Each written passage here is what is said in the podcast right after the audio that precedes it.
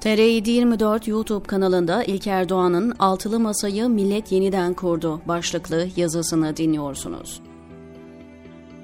Milletin istediği oldu ve altılı masada kriz aşıldı. İyi Parti lideri Meral Akşener baş döndüren bir görüşme trafiği sonrasında altılı masadaki yerini aldı. Yeni formüle göre Ekrem İmamoğlu ve Mansur Yavaş seçilecek 13. Cumhurbaşkanının icracı yardımcısı olarak görev alacak. Kemal Kılıçdaroğlu'nun partisinin genel merkezinde yaptığı konuşmada sözlerine iki değerli arkadaşım Sayın Ekrem İmamoğlu ve Sayın Mansur Yavaş'la birlikte bir yola çıktık diyerek başlamıştı açıklaması dikkat çekiciydi.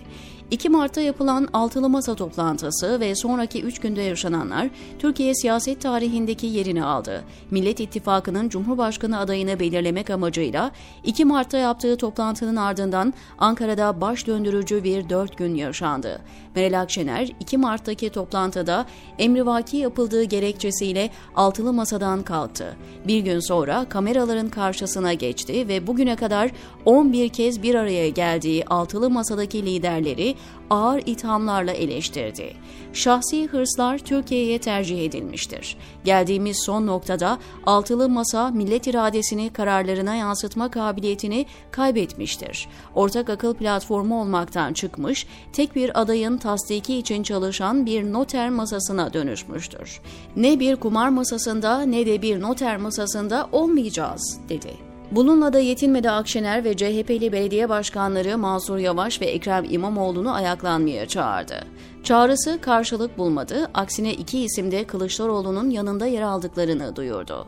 Kemal Kılıçdaroğlu sofrayı büyüteceğiz mesajı verdi. Bu sofraya o oturmasın, bu oturmasın diyerek sofrayı toparlayamayız. Birilerini hor görerek, göz ardı ederek Türkiye'yi değiştiremeyiz.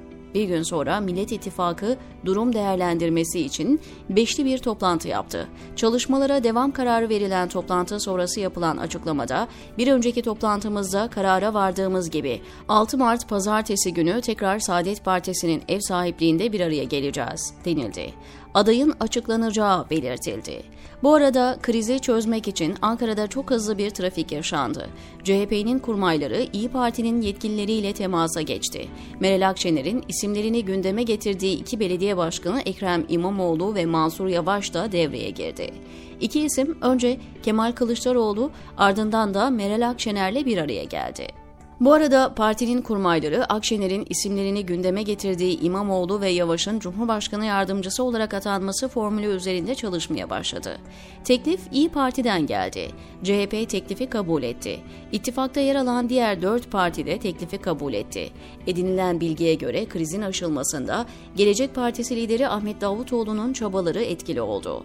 Kötü yönetilen süreç ciddi bir yol kazasıyla yara aldı. Ardından yapılan yoğun görüşmeler sonrası Akşener ikna edildi, masa yeniden kuruldu. Ancak burada söylemeden geçmeyelim. Altılı Masa'nın yeniden kurulmasında parti kurmaylarının çabasından daha çok milletin talebi etkili oldu. Meral Akşener masayı ağır ithamlarla terk ederek çok ciddi bir siyasi hata yaptı. Kriz sonrası yapılan açıklamalara göre İyi Parti'nin bir B planı bile yoktu her konuda uzman olan bir ceza hukukçusuna bir televizyon programının reklam arasında adaylık konusunda ciddiyseniz görüşelim demenin bir açıklaması olabilir mi? Parti kurmayları da B planları olmadığını açık açık söyledi. Altılı Masa son hamlesiyle uçurumun kenarından dönmüş görünüyor. Muhtemel seçime iki aydan fazla var. Zaman ne getirir bilinmez. Millet İttifakı için bundan sonra tek hedef seçimi kazanmak olmalı. Erdoğan kaybetse de iktidarı bırakmaz. İstanbul'u bile ilk seçimde bırakmayan adam sarayı terk eder mi diyorlar. Siz kazanın o bir sivil hatta askeri darbe daha yapsın. Yeter ki siz kazanın. Zira Millet İttifakı seçimi kazanamadıktan sonra bunun bir anlamı kalmıyor. Sizin tahmin ettiklerinizi muhalefet partisinin kurmayları da biliyordur ve böyle bir oldu bitti darbe karşısında B ve hatta C planları da vardır değil mi? diyor İlker Doğan TR724'deki yazısında.